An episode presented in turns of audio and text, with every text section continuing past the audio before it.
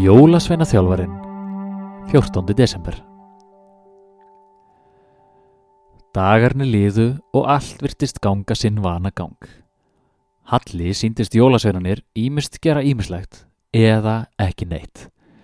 Þeir tíndu mandarínur af trjánum, kartöblur upp úr jörðinni, stunduðu æfingar með afa, sungu, dönsuðu og hlóu heil heljarnar ósköp.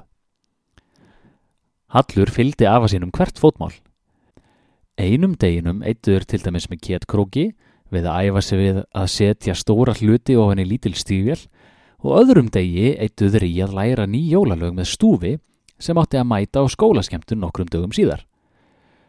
Krakkarnir vilja vist ekki bara syngja þessi gömlu enda löst.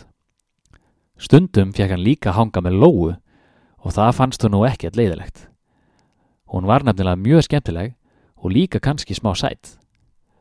Alltaf var svo líf og fjör í matsalum á kvöldin og alltaf jafn mikið að góðu mat á bóðstólum.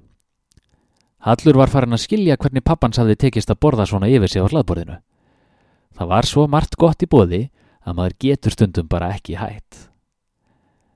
Má ég láta snjóa núna? Vældi eitt sveitnin eitt kvöldið.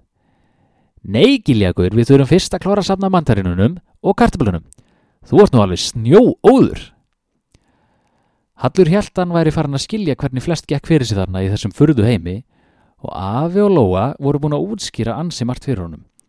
En núna skildi hann ekkert hvað þeir voru að tala um. Af hverju er svona skríti veður hérna? Spurðan Lóu setna um kvöldið þegar þau voru að ganga heim í kofan til Afa eftir matinn. Halli fannst hann alltaf verið að spurja spurninga, en hvernig gæti hann ekki spurt þegar hann var allt í einu mættur í heimkynni sjálfra jólasvennana, búin að finna Afa sinn og svo var alveg bong og blíða í desember. Sko, stundum er gott veður, stundum er vond veður, útskýriði Lóa þólinnmóð eins og vannilega. Vond veður getur verið gott til dæmis til að setja inni við í huguleitum við lestur eða krosskátur. Gott veður í lengri tíma er vond fyrir gróðurinn. Hann þarf rigningu til að lifa. Það er alltaf gott veður einhver tíman. Það er alltaf vond veður einhver tíman.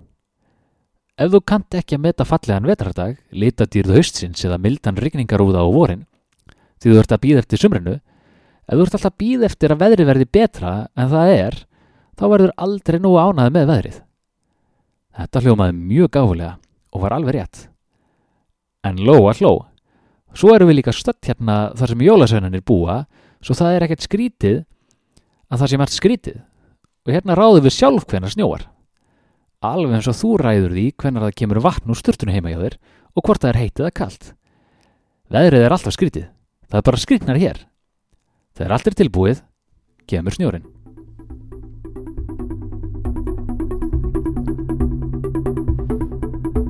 Fluttur var 14. kapli jóladagatalsins um jólasvennaþjálfaran eftir Egil Haldursson. Þykist útvarpið 2021